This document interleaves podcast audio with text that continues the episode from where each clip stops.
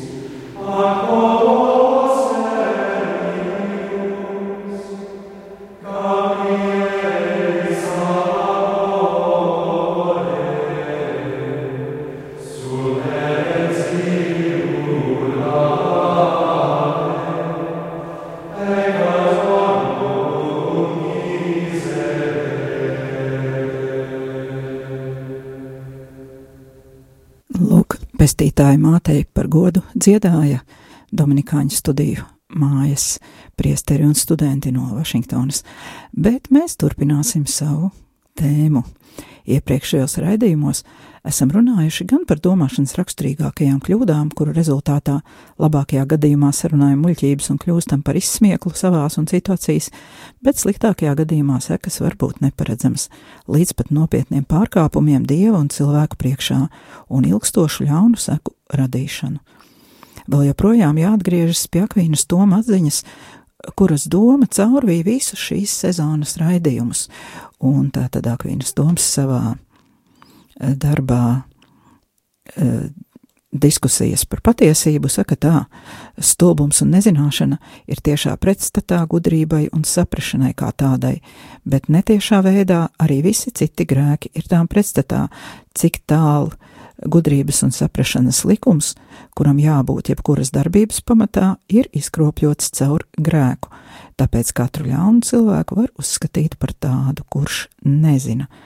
Svētais Akvīnas Toms, tātad eh, disputi par patiesību 15. nodaļas, 3. Eh, punkta 2. daļiņa.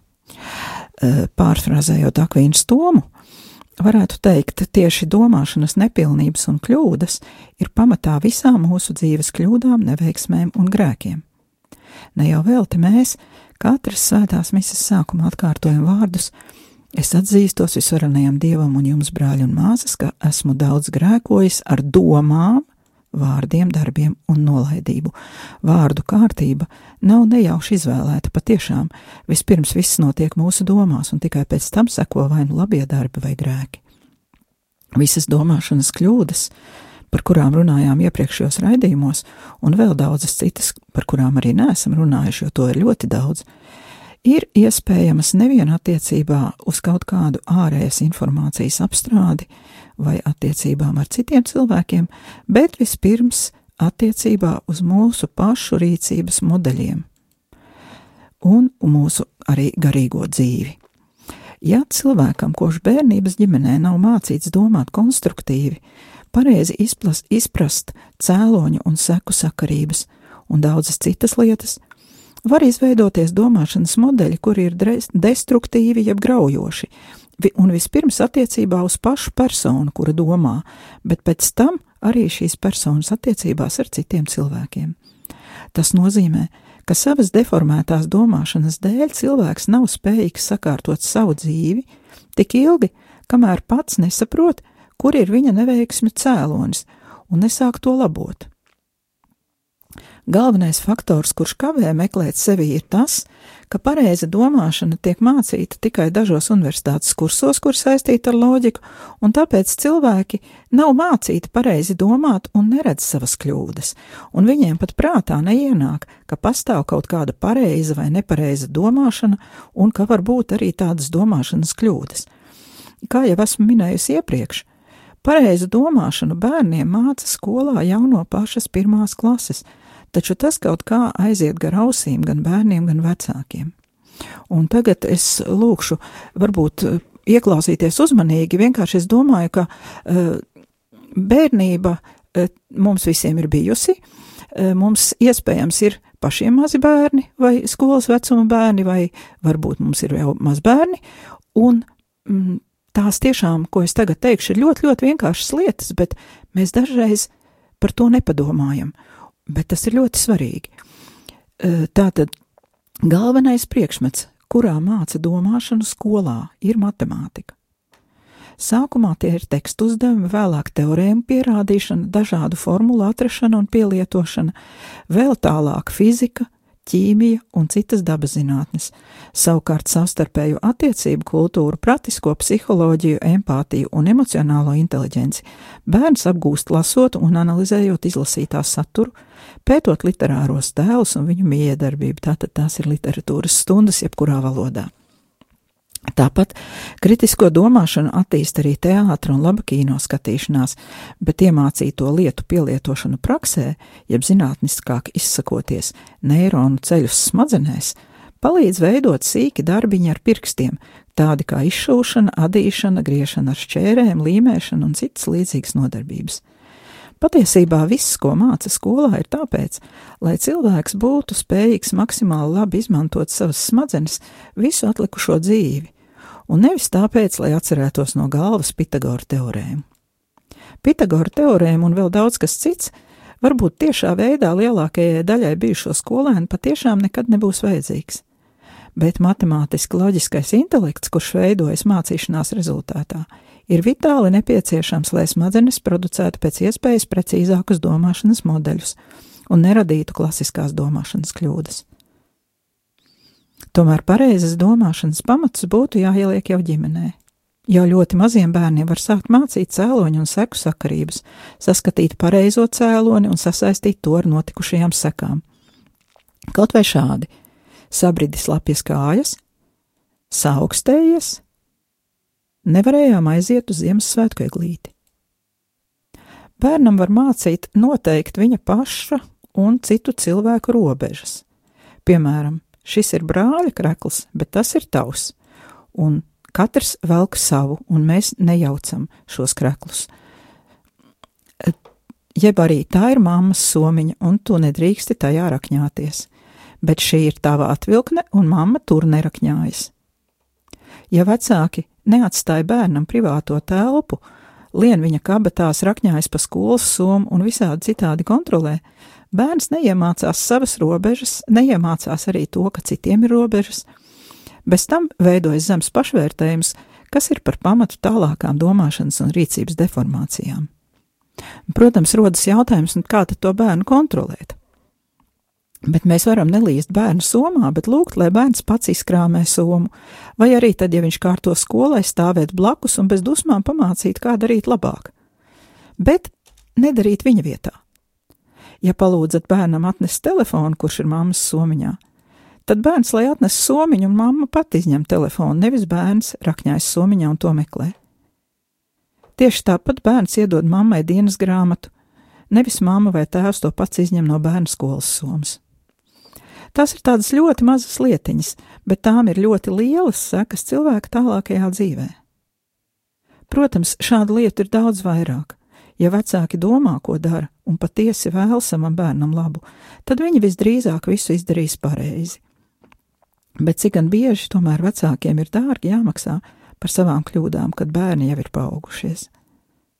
Labā ziņa visā šajā ir tā, ka, ja mani klausās kāds, kas ir jau pieaudzis cilvēks, eh, pieaudzis var izlabot visas vecāku pielaistās kļūdas, bet tas notiks tikai tad, ja viņš analizēs savu darbu augļus un meklēs cēloni savām kļūdām un neveiksmēm.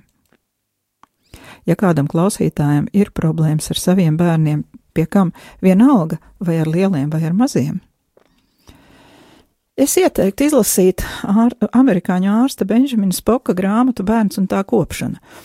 Un cik interesanti, patiesībā cilvēki nemainās.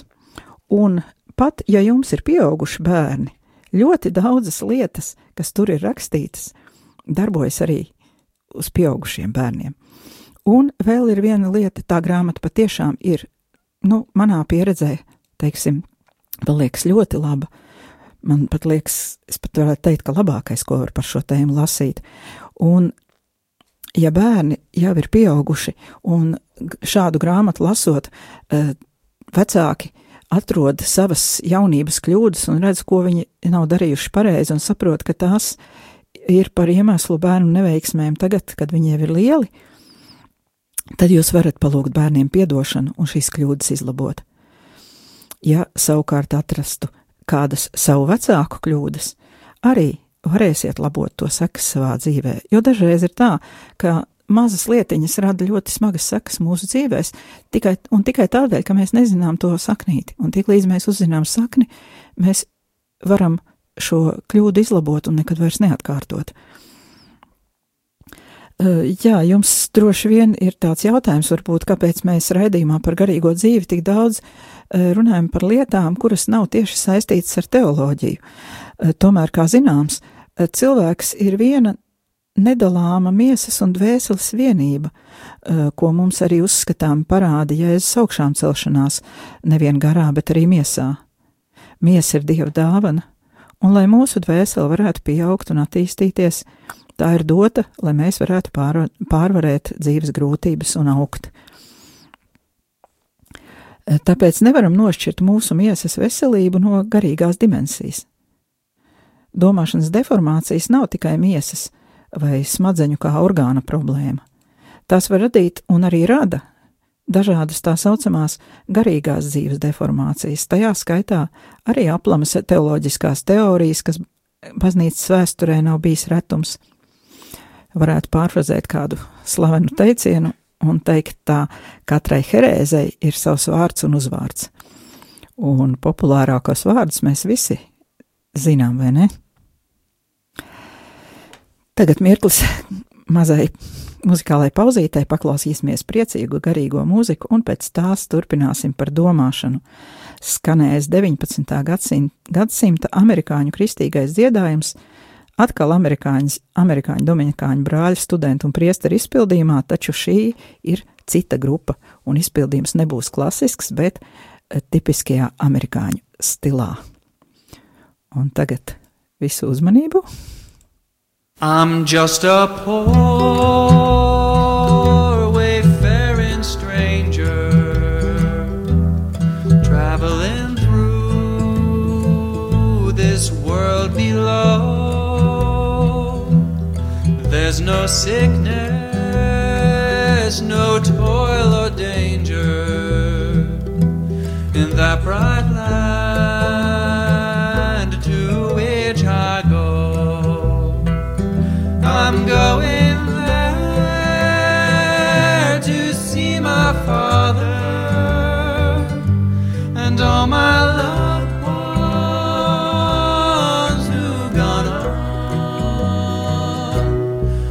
just going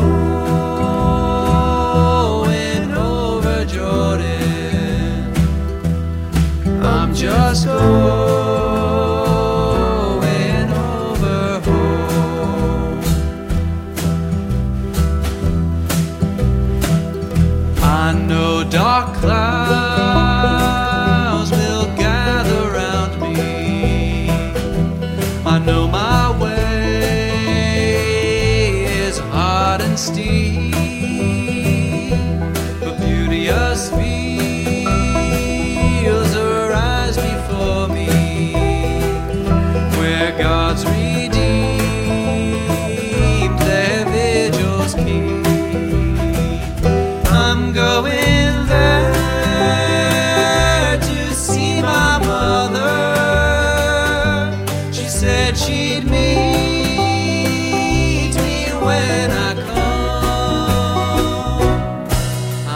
just going over Jordan. I'm just going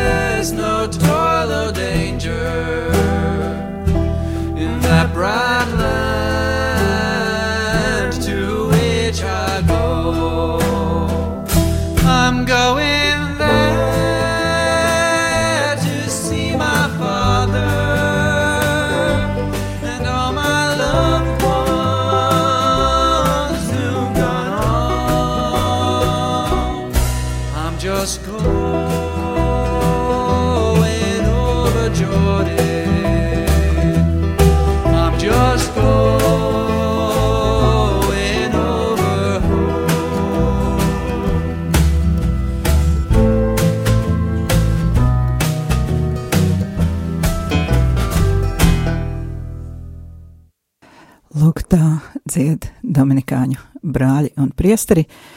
Šajā pasaulē esmu tikai ceļotājs, jo eju uz zemi, kur nav ne bēdu, ne slimību, lai satiktu tēvu un visus mīļos, kur aizgājuši pirms manis. Es eju pāri Jordānai uz mājām, un šo dziesmu eh, varēs jau rīt kopā ar citām dziesmām iegādāties internetā eh, gan kā disku, gan kā MP3 failus.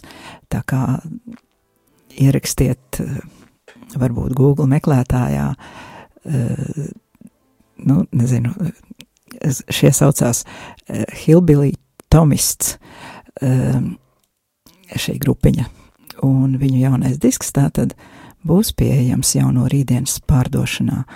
Iespējams, ka var skatīties arī kādā Dominikāņu mājaslapā, gan jau arī tur būs, zina, redzama kāda reklāma. Bet tagad atpakaļ pie tēmas. Vēlos atgādināt, ka šajos redzījumos es nerunāju un arī nerunāšu par cilvēkiem, kuru domāšana ir deformēta kādas slimības dēļ kā piemēram klīniskā depresija, šizofrēnija un citas slimības, kur ir bezgalīgi daudz un kuras ir jāārstē medicīniski, lai cilvēks spētu dzīvot atbilstoši savai dieva dāvātajai cieņai. Mēs šeit visi kopā pārdomāsim, kā nesabojāt savas veselās smadzenes.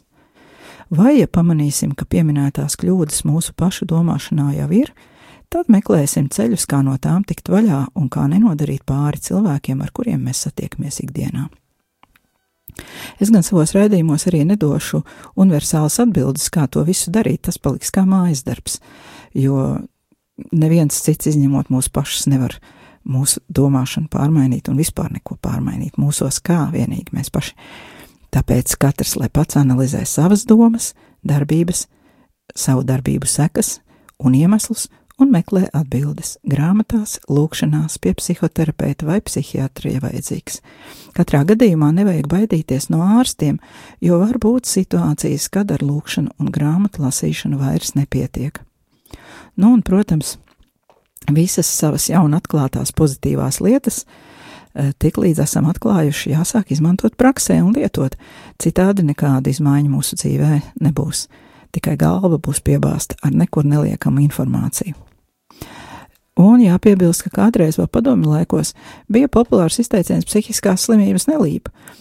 Tomēr dzīve rāda, ka tās gan neizplatās kā gripa, tomēr pastāvīga cieša saskare ar psihiski deformētu cilvēku var radīt personības izmaiņas arī veselam cilvēkam, ja vien šī saskarsme ir pietiekami ilgā laika periodā, vai arī tā ir īsa, bet intensīva.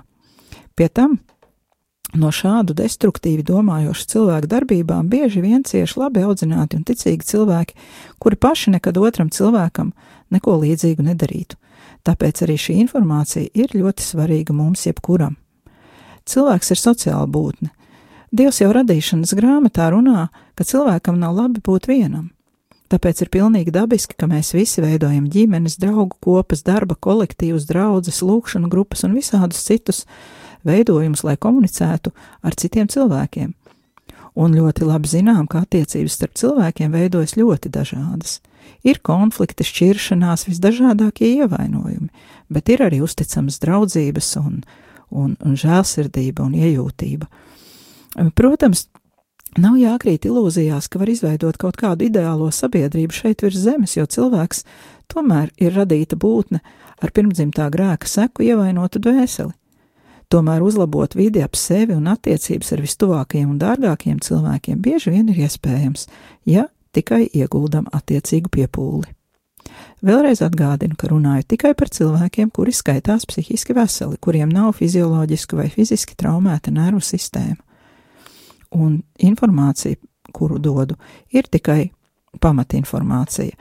Ja jūs atpazīstat savu tuvinieku vai savu situāciju, kura, kur ir jāmeklē uh, palīdzība, tad ir jāgriežas pie kompetentiem speciālistiem. Gan no padomu laikiem mums visiem ir bailes ārstēt savas smadzenes, jo liekas, ka tad mūs uzskatīs par psihiski slimiem un neņems vairs par pilnu, ko mēs runājam.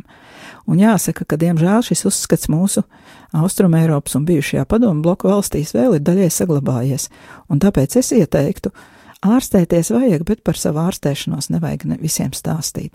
Ja ir iespējams, tad realizēt to privāti bez lieka trokšņa, jo jebkuras ārstēšanas mērķis ir cilvēka dzīves kvalitātes uzlabošana un nevis viņa padarīšana par zemākas kastes pārstāvi. Amerikā un Rietumē Eiropā cilvēki, kuri ārstējas pie psihoterapeita un psihiatra, tiek pielīdzināti tādiem, kuri ārstē plaušas vai kuņģi, bet mūsu sabiedrībai vēl ir jāaug, ir jāsaprot, ka jebkurai slimībai ir sākums un beigas, un ka pēc izārstēšanās cilvēks ir vesels. Tāpēc ārstēsimies paši, atbalstīsim savus tuvākos un audzēsim viņus, lai ilgi un laimīgi dzīvotu virs zemes.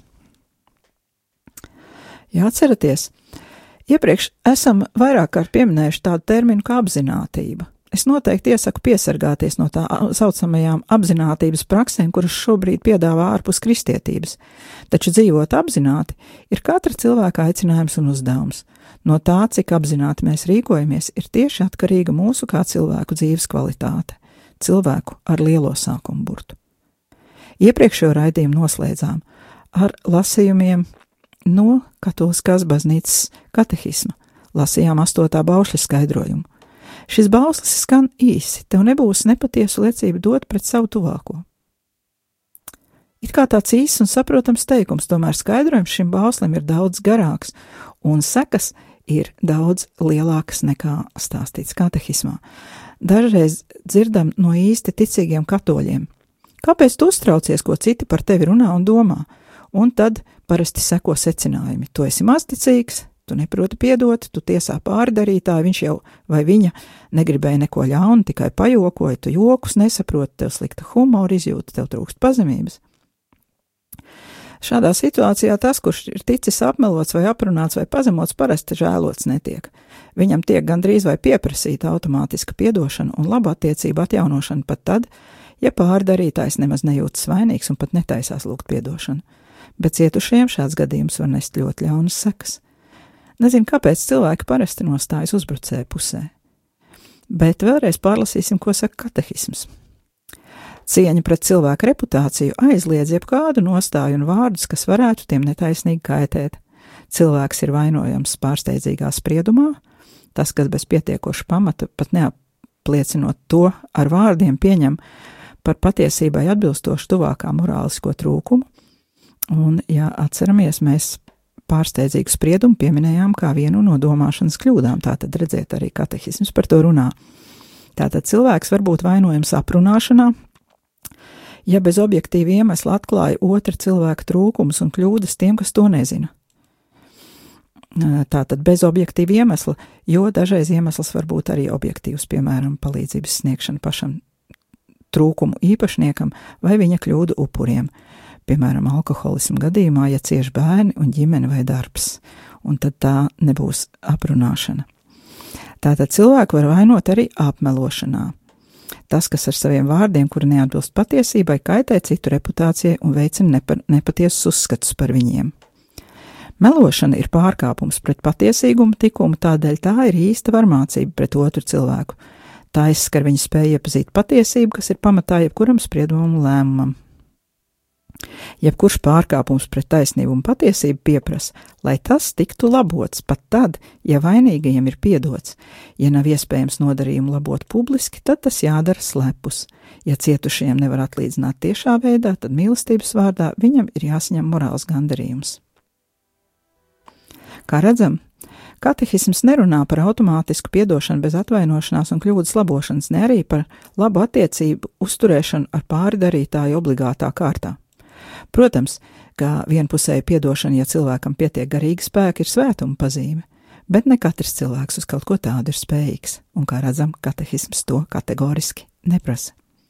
Šajos katehismu paragrāfos lielāks uzsvers ir likts uz cilvēku reputācijas sagraušanu, taču parasti jau ar reputācijas sagraušanu nekas nebeidzas, sekas ir tālajošas. Piemēram, Par kādu lektoru, kurš pasniedz reliģiskā augstskolā, kāds students izplata melus, ka šis lektors ir homoseksuāls.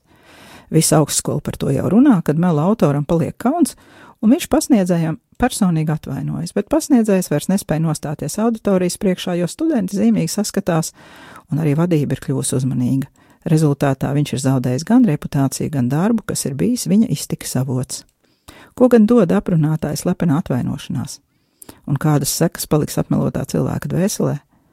Pat ja viņš piedos, viņš katru reizi būs spiests to atcerēties, ies, ieskatoties savā tukšajā bankas kontā. Un lūk, redzam, kur šeit ir domāšanas kļūdas. Nepietiekama pamatojuma kļūda un nebūtiska pamatojuma kļūda, jo, kā izrādās, apmelotājam likās, ka pasniedzējs ir homoseksuāls, jo viņam ir augsta balss, viņš nesā krāsainus uzvalkus, piemēram, koši zaļas vai rozā bikses ar violetu žaketu un puķainu kreklu. Viņš ir ļoti gudrs un neprecējies. Vai tiešām šīs pazīmes ir pietiekamas, lai visai augstskolai pastāstītu šo tā īsto patiesību? Un no otras puses, pasniedzēji un studenti to pieņem par baltu patiesību, jau pieminētās nepareizās autoritātes uzklausīšana un pārsteidzīgs spriedums, par kuru runāja arī katehisms. Tātad redzam, ka uh, reputācijas graušana tas nav tas, pie kā kaut kādas darbības sekas apstājas. Tālāk cilvēkam ir nevien sagrauta reputācija, bet arī atņemts maizes darbs, atņemta iztika un arī traumēta dvēsele. Bet par to jau runāsim nākamajā reizē. Atgādinu, ka pēc raidījuma jingla gaidu zvanu ēterā, lai lūgtos Jēzus visdārgās asins litāniju. Lūksimies par baznīcas atzimšanu, par dvēselēm šķīstītavā, par cilvēkiem ar vājiem un samaitātiem prātiem un par viņu upuriem. Tas bija raidījums vairāk tevis manī, un es, Sandra Preisa, no jums atvados raidījumā līdz nākamajai pirmdienai, bet vēl gaidu zvanus lūkšanai atgādinu telefonu numuru 679 691 131.